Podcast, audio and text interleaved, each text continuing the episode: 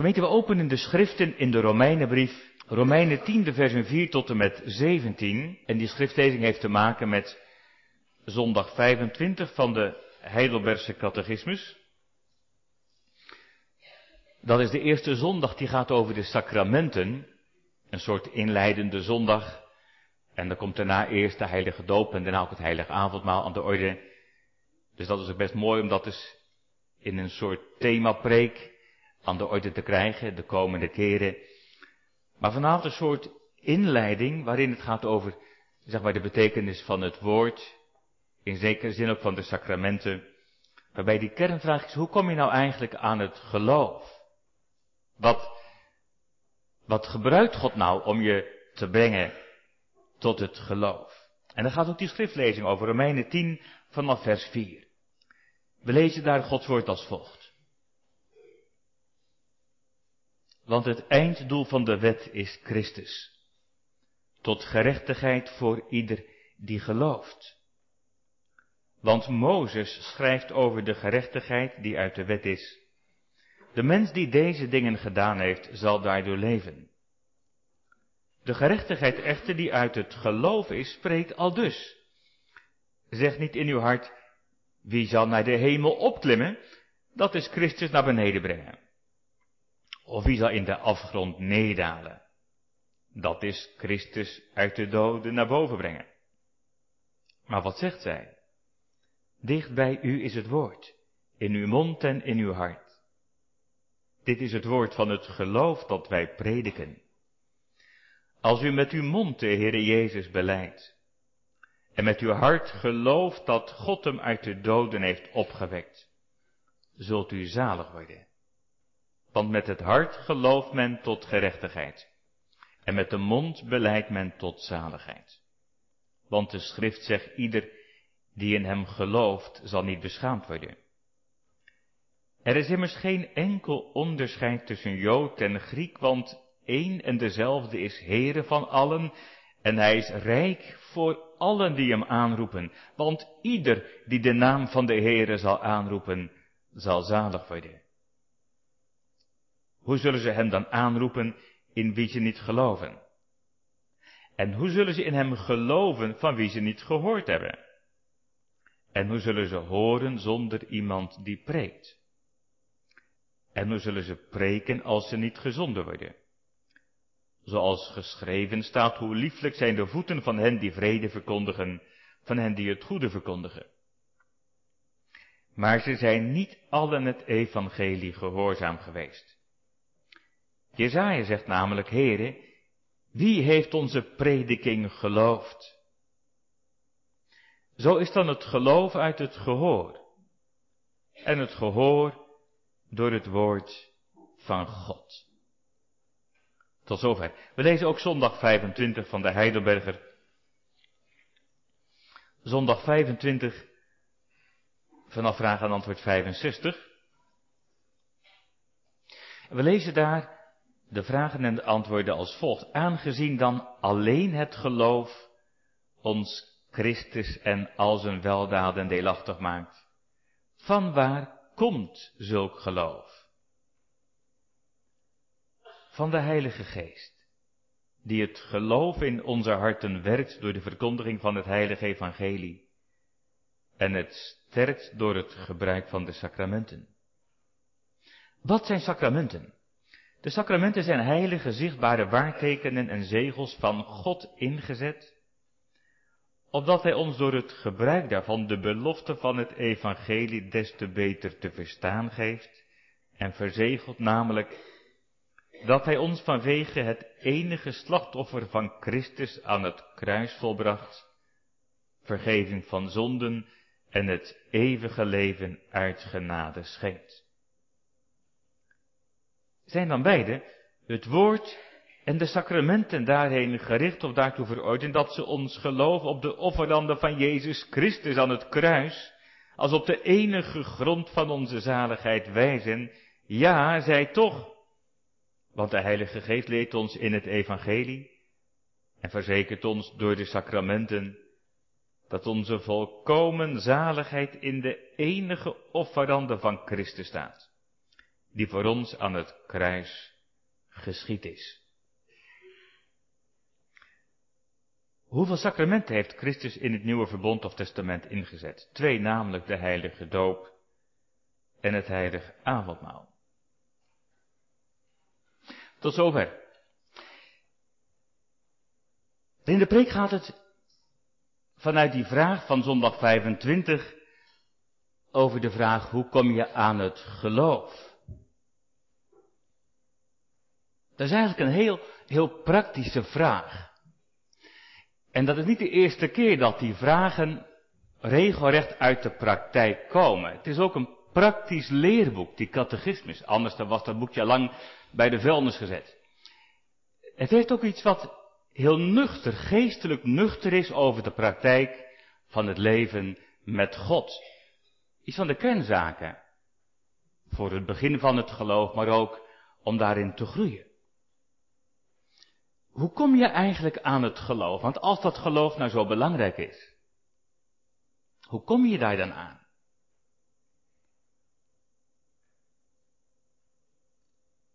Het is een praktische vraag, maar u voelt wel dat het is ook een vraag van levensbelang. Er zijn heel veel vragen die je jezelf kunt stellen van hoe kom ik, hoe kom ik aan een baan? Dat is ook een belangrijke vraag. Of hoe kom ik aan mijn diploma? Als je volgend jaar examen moet doen. Of hoe kom ik aan een nieuwe auto? Zeker als je een beetje krap bij kas zit. Of hoe kom ik aan een nieuw huis? Er zijn nog wat gemeenteleden die zijn verhuisd of gaan verhuizen. Hoe krijg ik het voor elkaar? Hoe kom ik aan dit of dat? Maar hier gaat het niet eens over onze aardse dingen, hier gaat het over onze eeuwige bestemming. En daarom ben ik dankbaar als ik merk dat die vraag bij jongeren of ouderen leeft. Hoe kom ik aan het geloof? En hoe kan dat geloof nu groeien? En als die vraag niet leeft, dan hoop ik dat die wordt gewekt. Dat je die vraag gaat stellen en hem leert stellen. En het eerste wat de catechismus dan zegt, nou lees maar mee van de Heilige Geest, die het geloof in onze harten werkt. Dat dus eerst. Dus dat eigenlijk het geloof is dus niet iets van onze eigen akker. Maar het komt van de Heilige Geest. Een gave van God. Nu gaat het mij niet alleen om die catechismus natuurlijk. Het gaat erom wat staat er nou in de Bijbel. En daarom noem ik een paar voorbeelden uit de Bijbel waar we dat uit kunnen afleiden. Ik denk aan die ontmoeting in de nacht, in het holst van de nacht, als Nicodemus bij de Heer Jezus aanklopt. Hij was een overste van de fariseeën, we zouden zeggen een hoogleraar in de theologie. Maar als hij komt bij Jezus, krijgt hij te horen, voorwaar, voorwaar, ik zeg u, als iemand niet geboren wordt uit water en geest, hij kan het koninkrijk van God niet binnengaan. Dus het gaat het over opnieuw geboren worden uit water en geest. Water kun je denken aan de doop, maar, maar ook de Heilige Geest. Het is het werk van de geest, die wederbaard, opnieuw geboren doet worden. Later zegt de Heer Jezus tegen zijn discipelen, dat is in Johannes 6, het is de geest die levend maakt. Dat doet de Heilige Geest. Een ander voorbeeld, in de brief aan de Efeziërs, dan schrijft Paulus aan de gemeenteleden, en dan spreekt hij zijn dankbaarheid uit over het geloof in die gemeente in Efeze. En dan schrijft hij erbij dat dat bemoedigende resultaat van al dat zendingswerken van het kerkenwerk niet aan zichzelf te danken is. Dat hij zo goed gepreekt had of zo goed gewerkt had, maar, maar dan zegt hij, dat is aan God te danken. Hij zegt het niet omdat jullie nou zo goed gelovig waren. Hij zegt, uit genade bent u zalig geworden. Efeze 2 vers 8. Hij zegt uit genade door het geloof. En dan zegt hij erbij, dat geloof dat is niet uit u. Jullie waren niet zulke fantastische gelovige mensen. Nee, het is een gave van God. Dat is, dat is dus in de eerste plaats ook verootmoedigend. zo worden wij op onze plek gezet. Dat de Heer zegt, als je nou tot geloof gekomen bent, denk er niet dat jij zoveel beter bent dan een ander. Dat heb je niet aan jezelf te danken. Het is een gave van God. Je hebt het aan God te danken. En als nou je kinderen de Heere Jezus leren kennen, dan moet je niet denken, omdat ik nou zo'n goede moeder of zo'n goede vader ben, omdat ik nou zo'n goede opvoeding heb gegeven. Nee, het is geen prestatie om jezelf op de borst te kloppen, maar een gave van God. En daar denk ik ook eens over ouders die kinderen zien die er niks meer van willen weten. Of misschien zeggen, nou ik heb er niks op tegen, maar niet meer komen. Denk niet dat je beter bent. En als er resultaat is in het evangelisatiewerk en in het zendingswerk en in het kerkenwerk, of als je als predikant zegen op het werk krijgt, of als oudering, of, of op de club, of waar dan ook maar, denk er niet, omdat ik het zo goed heb gedaan, het is te danken aan de Heilige Geest die het geloof bewerkt. Dat is dus ver, verootmoedigend. Niets van ons, het is alles van Hem. Het werk van de Heilige Geest. Want, want als het nou puntje bij paaltje komt, dan, dan moeten wij erkennen. Uit mezelf, dat zou ik helemaal niet geloven.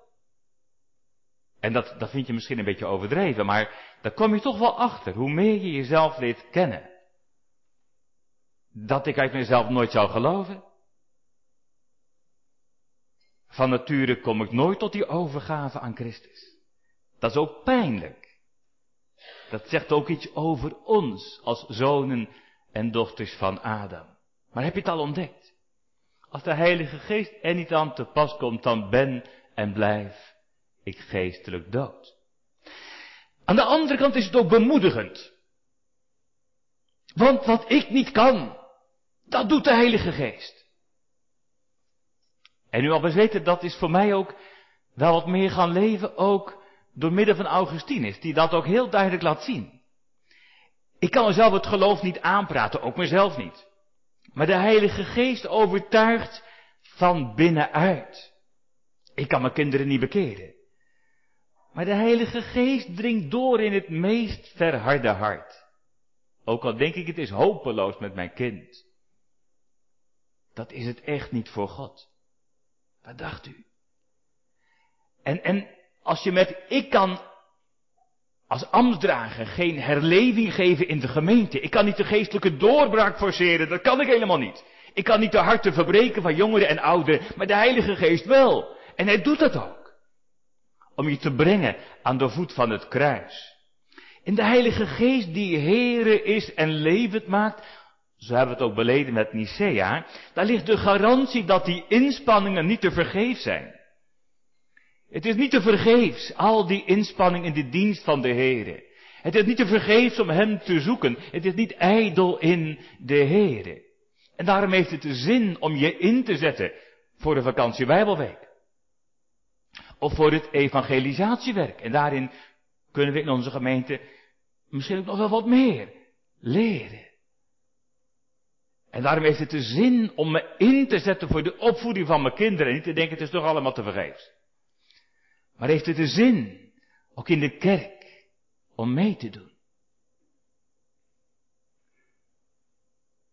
Waar komt dat vandaan? Van de Heilige Geest die het geloven in onze harten werkt. Dat is een heel belangrijke. En tegelijk ligt daar een valkuil. Die beleidenis kan ook werken als een soort taser, zo'n stroomstok. Weet je wel, die je verlamt. Je krijgt een schok. En je bent verlamd. Zo van God moeten doen. Dus, uh, nou ja, dat, dan, dan doe ik dus blijkbaar niks. Dat, dat alle inspanningen om de Heere te zoeken, en om je in te zetten, in de kiem worden gesmoord met het argument dat God het moet doen. En dat je zelf niets kunt doen. En als je er komt met een, een bijbeltekst, dat de Heer zegt, ja maar, hij is een beloner van iedereen die hem zoekt, Hebreeën 11 vers 6, dan, dan wordt zo'n tekst buiten werking gesteld. Met het argument, ja maar, maar God moet het doen. Moet je wel gegeven worden. Dat heb ik net natuurlijk ook gezegd, maar het kan ook een, een dooddoener worden. Een dodelijke dooddoener. Als mensen proberen de eigen verantwoordelijkheid uit te schakelen, dan deugt het niet. Net gezegd de Heere, wacht maar af. Onophoudelijk spoort hij aan om hem te zoeken. Een hele sprekende tekst in dit verband. Ook een soort sleuteltekst bij Augustinus. Maar het gaat erom dat het in de Bijbel staat. Is Filippenzen 2, vers 12 en 13. Daar staat er eerst, werk aan uw eigen zaligheid. Werk uw zelfzaligheid met vrees en beven. Met andere woorden, doe eraan wat je kunt. Maar er staat er geen punt. Er staat er een komma. Want staat er, want, er staat niet, want als je goed je best doet, dan kom je er wel. Nee, er staat iets heel anders. Want het is God die in u werkt. Wat dan? Nou, zowel het willen, dat je het wilt, als ook het werken, dat je doet. Het is God die dat bewerkt, dat je het wilt en dat je doet. Naar zijn welbehagen. En dan gaat het zelfs over de uitverkiezing erbij. Daar staat het niet, wacht maar af. Want het is God die het doet. Nee, werk uw zelfzaligheid. Want het is God die het doet. Daarom moet je zeggen, dat klopt logisch helemaal niet. Dat is geen logisch systeem. Nou, ik ben ook niet geroepen om een logisch systeem te verkondigen. Ik ben geroepen om het evangelie te verkondigen. En dat doe ik ook. En laat dan maar staan wat er staat. Als wij geloven dat het woord het moet doen, dan moeten we dat ook maar laten staan. En dat, en dat gewoon naspreken. Dat doet de catechismus ook. Er staat niet alleen dat het van de Heilige Geest komt, die het geloof in onze harten wekt, maar staat iets bij. Dat hij dat doet door de verkondiging van het heilige evangelie. En dat hij het versterkt door het gebruik van de sacramenten. Ik heb al gezegd, het gaat vanavond dan met name over dat eerste, over dat middel van de verkondiging van het evangelie. Hoe kom je aan het geloof? Door de verkondiging van het evangelie. Dat hebben we ook gelezen, toch? Romeinen 10. Als u nog eens erbij zou pakken, dan daar staat er in vers 13 eerst de belofte. En die belofte is, want het zal zijn dat een ieder die de naam van de Heere zal aanroepen, zalig zal worden. Dat is de belofte. Maar dan ook weer die geestelijke nuchterheid in Romeinen 10, in vers 14 en 15. Ja, maar hoe zullen zij hem dan aanroepen in wie zij niet geloven? En hoe zullen ze dan geloven van wie ze niet gehoord hebben? En hoe zullen ze horen zonder dat iemand het preekt? En hoe zullen ze preken als ze niet gezonden worden? Nou pas ik weer, dominee Willemsen. En degene die ze voorbereiden op dit moment. En ik hoop dat er weer nieuwe, jonge mensen uit ons midden, misschien ook ouderen, geroepen worden om te preken. Maar dan het sluitstuk in vers 17. Zo is dan het geloof uit het gehoor. En hoe hoor je dat? Ja, door het woord van God.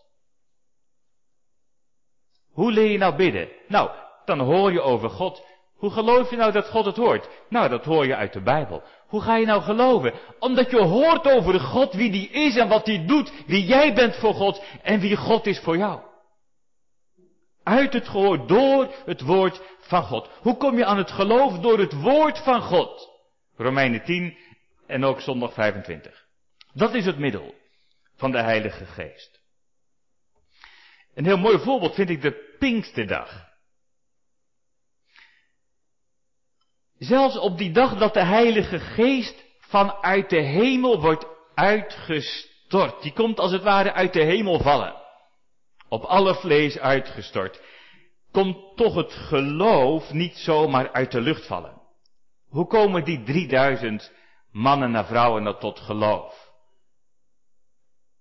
Dan kun je zeggen dat dat, dat, dat gebeurt door de Pinkstergeest. En dat is waar, net als hier ook staat, door de Heilige Geest. Maar hoe gaat dat dan? Nou, dat zie je wat hier staat. Door middel van de verkondiging van het evangelie. Het gebeurt niet zomaar patsboem, net als die vuurvlammen op het hoofd. Nee, het gebeurt door middel van de prediking van Peter. En het mooie vind ik dat in de catechismus alle aandacht geconcentreerd is op Christus, de verkondiging van Christus. En dat zie je ook op de Pinksterdag. Dat alle aandacht gericht is op Christus. Op Christus en zijn kruis. Als de enige grond van onze zaligheid. Niet van ons, alles van Hem. Petrus begint uitvoerig te beschrijven hoe de Heilige Geest te werk gaat. Hij geeft geen zorgvuldige analyse van de gangen van God met zijn volk. Maar hij confronteert hen met hun zonde. Hij zegt, jullie hebben hem gekruisigd, jullie zijn schuldig. En ik erbij, zegt hij. Want hij had hem wel verlogend ondertussen. En hij waarschuwt voor de toorn van God als je je niet bekeert. Dan is het mis, dan ben je verloren.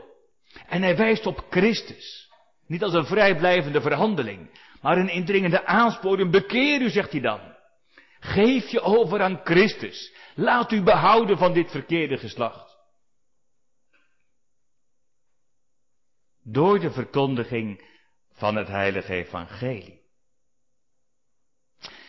Ja, dan zult u denk ik ook wel, net als ik, in de eerste plaats denken aan de kerk, toch? Daar wordt het evangelie verkondigd, in de kerk. We noemen de kerk ook wel de werkplaats van de Heilige Geest. Als je de Heer Jezus wilt leren kennen, nou zorg dan dat je er bent. Ook dat is geestelijke nuchterheid. Zorg dat je er bent. En als je wilt dat je kinderen tot bekering komen, neem ze dan mee. Wat mij betreft zo jong mogelijk. Ik heb in ieder geval geen last van draaiende kinderen. Ik ben blij dat ze er zijn. En van mij betreft mag het ook bij s'avonds om half zeven, waarom niet? Laat ze maar meekomen, hoe jonger hoe beter.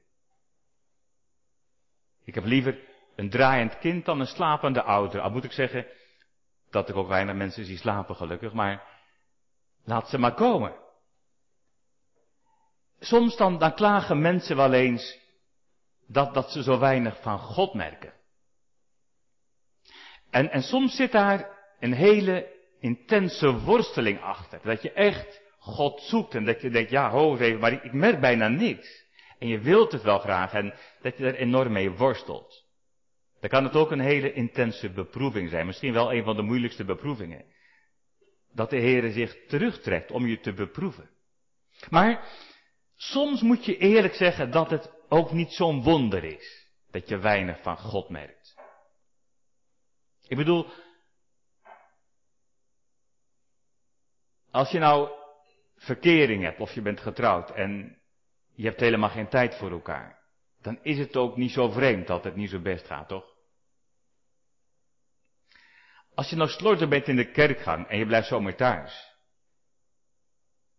is het dan vreemd dat je weinig van God merkt? Als je, als je wel tijd hebt om te werken en over te werken en met z'n allen er nog wat druk te zijn, maar je hebt geen tijd voor God. Ook door de week niet. Is het dan vreemd dat je weinig merkt van God? Ik denk aan het voorbeeld van twee goede vrienden. Een van die vrienden ging naar het buitenland voor werk. En die ander bleef in Nederland. En op een, op een dag dan, dan, dan, klaagt die ene tegen zijn vrouw. Tjo, ik hoor zo weinig van mijn vriend. En dan zegt zijn vrouw, ja maar wie had er zogenaamd geen tijd om te reageren? Waarom zoek je zelf geen contact? Nou, nou is het niet, ja, maar wij krijgen toch geen, geen berichten van God. Nou ja, nou ja, het is niet zo moeilijk om elke dag een bijbeltekst op je smartphone te krijgen. Toch? Of op je laptop, dat is niet zo moeilijk. Het kan via een mailtje, het kan via een appje, elke dag een bijbeltekst. En u mag van mij weten, ik heb dat al jarenlang. En je bent er heel wat keren op een bijzondere wijze door bemoedigd. Dat kan dus ook. Ik zeg niet dat je altijd op je smartphone moet lezen, maar het is wel makkelijk. Ook jullie jongelui, ik hoop dat je in ieder geval ook een Bijbel-app op je smartphone hebt en dat je hem ook gebruikt. En, en dan kunnen we denken, ja, hou eens even, moet ik nou zo'n Bijbel? Ja, nou waarom niet? En lees het maar. Dat hoeft echt niet in de plaats van je gewone Bijbeltje, maar jullie zijn handig genoeg met die dingen. Gebruik hem ook voor zulke dingen. Er zijn ook prachtige Bijbelprogramma's. Kun je op abonneren, maar ook gratis programma's. En al gebruik je je smartphone niet, dan krijg je toch iedere dag het woord.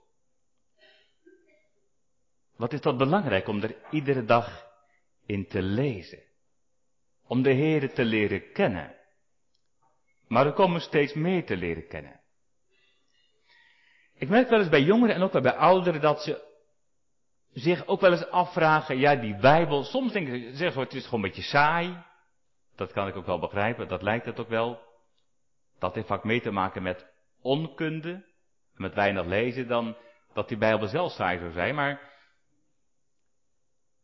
soms merk ik ook wel dat jongeren, maar ook ouderen denken, maar is die Bijbel wel waar? Dan hoor je misschien mensen zeggen, ja maar dit klopt niet en dat klopt niet en het spreekt elkaar tegen. En als je daar je in gaat verdiepen, kun je behoorlijk in verwarring raken. U mag best van me weten, toen ik zelf theologie studeerde, ja, dan kom je in aanraking met de moderne theologie. Dan krijg je les van nog leraren die zelf nergens in geloven. En die het maar onzin vinden. Die kennen misschien wel goed Grieks en ze kennen van alles en nog wat, maar die Bijbel kunnen ze niet zoveel mee. En dan denk je, ben ik nou gek of ze zijn gek? Is het nou waar of niet?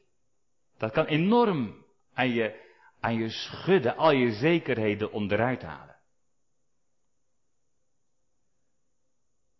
Hoe vind je dan vastheid? Hoe kun je dan toch verder komen? Daar heb ik eigenlijk maar één antwoord op. Dat is, laat ik het zo zeggen, door de proef op de som te nemen. Daar bedoel ik dit mee. Als God zegt dat die Bijbel zijn woord is, nou dan dan moet je erachter kunnen komen. Als God zegt dat zijn woord betrouwbaar is, dan moet je dat kunnen ontdekken. Dat je het eenvoudig ja, gaat onderzoeken. Dan kun je best wel eens goede boeken lezen. Ik heb ook wel eens wat gehad aan boeken die bijvoorbeeld ook lieten zien dat mensen zeiden, ja, dat zijn tegenstellingen, maar dat ze het helemaal niet zijn. Dus dat je ook, ook daarin soms ook deskundige boeken leest van mensen die echt de Heere lief hebben en die ook zijn woord gehoorzamen. Daar kun je heel veel in hebben. Maar het belangrijkste is voor mijzelf heel eenvoudig geweest door toch met al mijn twijfels biddend te blijven lezen. Niet door die twijfels te ontkennen, niet door te zeggen ik denk er niet over na, want dan blijft het toch vroeten, maar door, door met die twijfels biddend die Bijbel te lezen. En heren, laat u, laat u het me zien dat het uw woord is. Maak in uw woord mijn gang en treden vast. Ook dat heeft alles te maken met het thema van vanavond. Dat het geloof komt van de Heilige Geest, die het geloof werd door de verkondiging van het Evangelie. En we hebben het gehad over de prediking, maar dat trek ik dan ook verder door, door dat Evangelie zelf. Door het te lezen, biddend te onderzoeken. En ik kan u zeggen dat dat helpt. En dat het ook het beste helpt. Niet als een, een tovermiddel van de, in één keer, dat niet, maar wel nou, door de proef op de som te nemen, door die Bijbel biddend te lezen en de dingen te onderzoeken. Lees je Bijbel, bid elke dag. En er zijn ook prachtige hulpmiddelen. Er zijn nog nooit zoveel hulpmiddelen geweest om de Bijbel te begrijpen als, als vandaag. Ook als het gaat over zogenaamde tegenstellingen, maar ook als het gaat over dingen die je niet begrijpt. Studie Bijbels en noem het allemaal maar op. Lees je Bijbel, bid elke dag. In de eerste plaats dus in de kerk. maar ook door het zelf te lezen. Het kan door een gesprek zijn, een persoonlijk gesprek. Ik denk aan die man uit Ethiopië, die Moorman. Die nam de moeite om naar Jeruzalem te gaan. Hij nam de moeite om een Bijbelboek te kopen. Hij nam de moeite om erin te lezen, maar hij begreep er helemaal niks van. En dan komt Filippus. En Filippus legt het hem uit. Daar zegt hij niet, ik snap er allemaal niks van, ik, eh, kan er niks mee, ik, ik wil het niet meer lezen. Nee, hij wil er meer van weten. En Filippus legt het hem uit, dat evangelie, ook dat is die verkondiging van het evangelie. Dat was niet in de kerk. Het was gewoon op die wagen onderweg. Dat kan ook. Gewoon een gesprek onderweg. Of bij iemand thuis, een persoonlijk gesprek. Maar dan toch ook dan, van waar komt dat geloof? En, en waardoor wordt je door versterkt? Door, door de Heilige Geest. Die het geloof werkt, maar het ook versterkt door de verkondiging van het Heilige Evangelie. En ander voorbeeld is Maarten Luther. De grote verandering in het leven van Maarten Luther, dat was niet eens zozeer door een preek in de kerk. Luther, die had helemaal niet zoveel aan de preken die hij hoorde.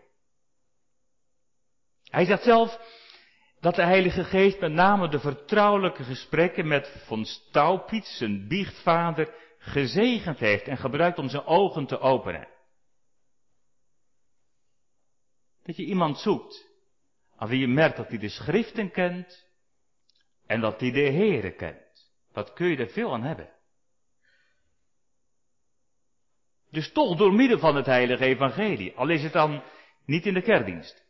Het kan ook op de zonderschool. Wat kan een zonderschoolmeester of een zonderschooljuf veel betekenen voor de kinderen, soms tot jaren later? Of op een club, een jeugdvereniging, of een huisbezoek, of een conferentie, of een bijbelstudiegroep. Hoe kun je dan merken dat de Heer je hart opent? Dat het geloof komt. Hoe kun je dat geloof dan herkennen?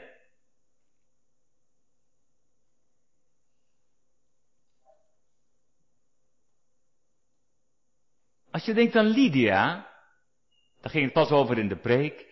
Als haar hart wordt geopend, geeft ze acht op het woord dat gesproken werd.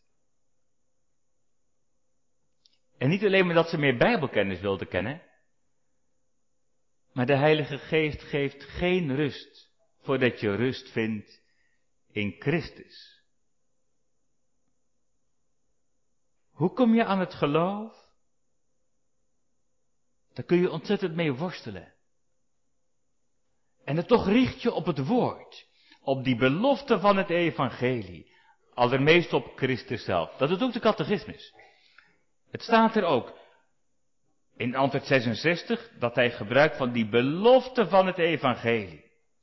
En dan wordt alle aandacht gericht op Christus en zijn slachtoffer. Dat je je daarop richt, je op Jezus terecht. Heere Jezus, red mij. Heere Jezus, ontfermt u zich. Want hij heeft het beloofd, die me zoekt, die zal me vinden. Denk ook aan Romeinen 10. Want een ieder die de naam van de Heere, de Heere Jezus aan zal roepen, zal zalig worden. Je richten op Hem en op zijn woord. Hoe weet ik dan of dat geloof echt is? Hoe weet ik of dat geloof uit de Heilige Geest is? Laat ik dat vanavond zo zeggen. Je merkt het aan de liefde. Je merkt het aan de liefde. Als de liefde tot Christus ontbreekt, dan is het geloof dood.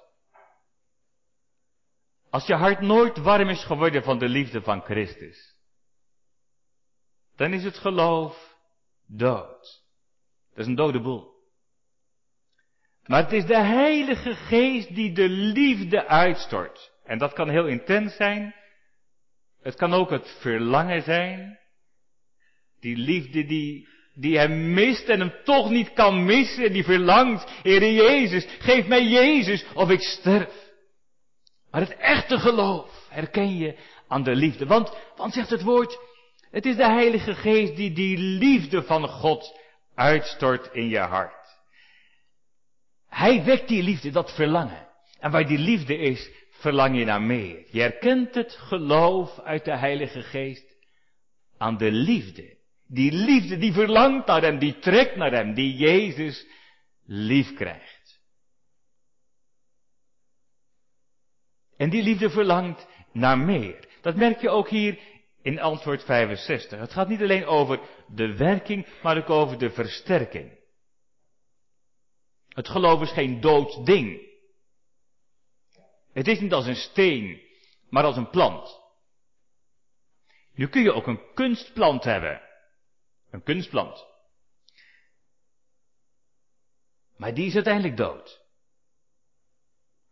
Maar hoe kun je zien dat het een kunstplant is?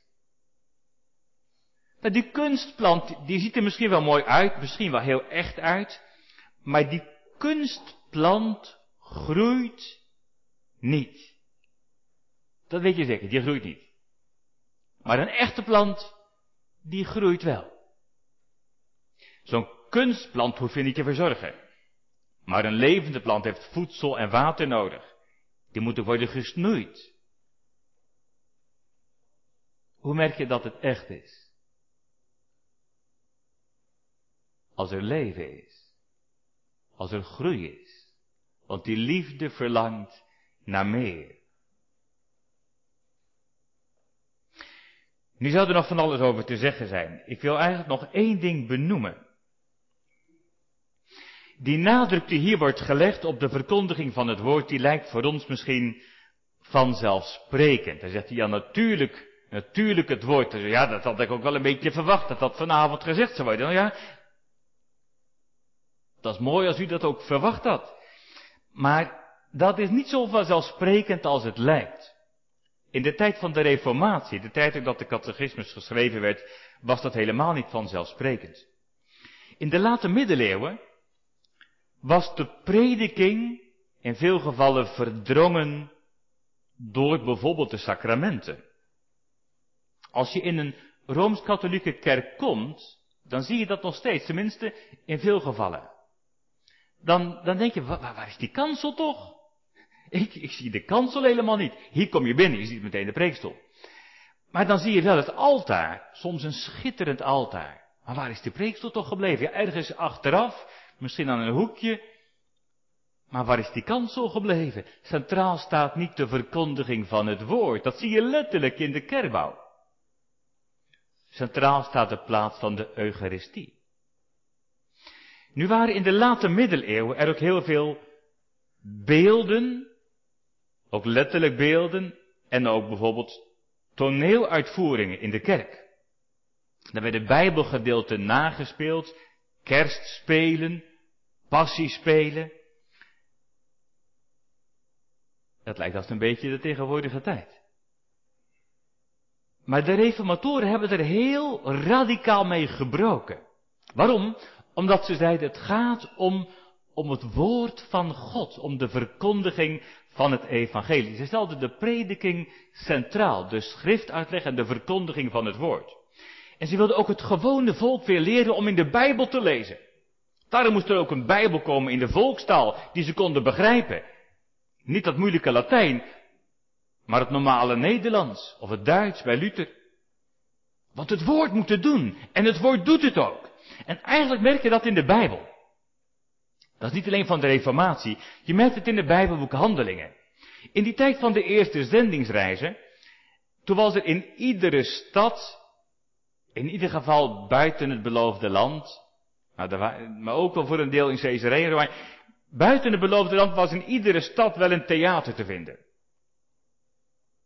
En overal waren toneelspelers en toneelvoorstellingen. En toch hebben de apostelen heel bewust nooit gebruik gemaakt van de mogelijkheden die het toneel biedt. Consequent hielden ze bij de uitleg en de verkondiging van het heilige evangelie. Dat ze samenkomen rondom een open Bijbel. Wat staat er nou en wat heeft de Heer te zeggen? En daarin geven ze ons een voorbeeld, ook in onze tijd. We hebben het over, over een beeldcultuur vandaag de dag, dat snap ik allemaal best. Maar dat, dat was er in de middeleeuwen nog veel meer dan nu. En ook in de tijd van het Nieuwe Testament, toen konden er nog veel minder mensen lezen dan nu. Het was nog veel meer gericht op beelden. En toch zeiden ze, de apostelen in handelingen en de reformatoren, het woord. Dat is een gevaar van deze tijd. Dat de prediking steeds meer verdrongen wordt naar de marge. Het moet steeds korter, steeds makkelijker, steeds simpeler. En dat de prediking verdrongen wordt. Ik zag pas een dienst, ik ga niet zeggen waar het was, dat, dat maakt nou niet zoveel uit. Maar het, leek wel een grote televisieshow. Het was een, een kerkdienst heette dat, de samenkomst van de gemeente. Er werd van alles opgevoerd en het was spektakel tot en met. Maar is dat de bedoeling? Als we daarmee de mensen willen trekken, is dat wat God van ons vraagt. Wat dan ben ik dankbaar dat er in Venendaal, dat er ook velen zijn die verlangen naar een bijbelse prediking. En dat het woord van God daarin centraal staat. Maar het is wel zaak dat we daarin waakzaam zijn. Ook naar jullie jongelui en ook naar de ouderen. Dat we ook weten waar het om gaat. Dat we niet zoeken wat lekker voelt. Dat het ook niet zoeken in in een show of entertainment. De kerk is niet geroepen om mensen te vermaken. Maar dat de waarheid van het woord centraal staat. En dan kunnen mensen best zeggen, als je vandaag mensen met alleen de Bijbel wil trekken, dan trek je geen mensen. Nou, ik weet dat niet. Ik, ik weet het niet. Maar, maar liever vraag ik mezelf en vraag ik ook u en jullie. Geloven wij nog dat de Heilige Geest het geloof werkt? En dat Hij het versterkt door de verkondiging van het Evangelie. Zoals het hier staat. In de catechismus, in navolging van de schrift. Geloven wij nog in de kracht van het woord van God? Of moeten wij het ervan maken? Moeten wij het bewijzen? Geloven wij dan dat het woord van God het doet en dat het woord zichzelf bewijst? Ook heel persoonlijk in mijn eigen leven. Maar ook in de gemeente en ook in de kerk.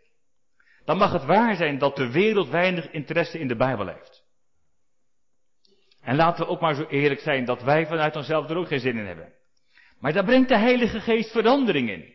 En hij wekt het geloof en hij sterkt het geloof door niets anders dan dat heilig evangelie.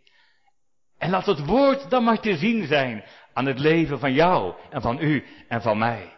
Want dat is het woord dat zich bewezen heeft in de loop van de eeuwen. Dat is het woord waarvan wij het moeten hebben. Dat is het kostbare pand dat ons toebetrouwd is door de Heilige Geest. Het evangelie van onze Heere Jezus Christus, de gekruisigde en de opgestane. Het is de verleiding misschien om ons aan te passen aan de wereld mee te doen. Maar de kracht van de kerk ligt in het geheim dat de wereld niet kent. In dat evangelie van het kruis van Jezus, waar het hier ook over gaat in die catechismus. Waar alle aandacht gericht wordt op Christus. Als onze volkomen zaligheid. Als die enige grond, het enige offer van Jezus Christus. Dat evangelie doet zijn werk, ook in onze tijd. Dat evangelie wekt het geloof. En dat evangelie versterkt het geloof. Daar staat de Heilige Geest garant voor. En dat is het woord waarop Hij ons verwachting heeft gegeven. En daarom geloof zijn heil en troostrijk woord. Verhard u niet, maar laat u leiden. Amen.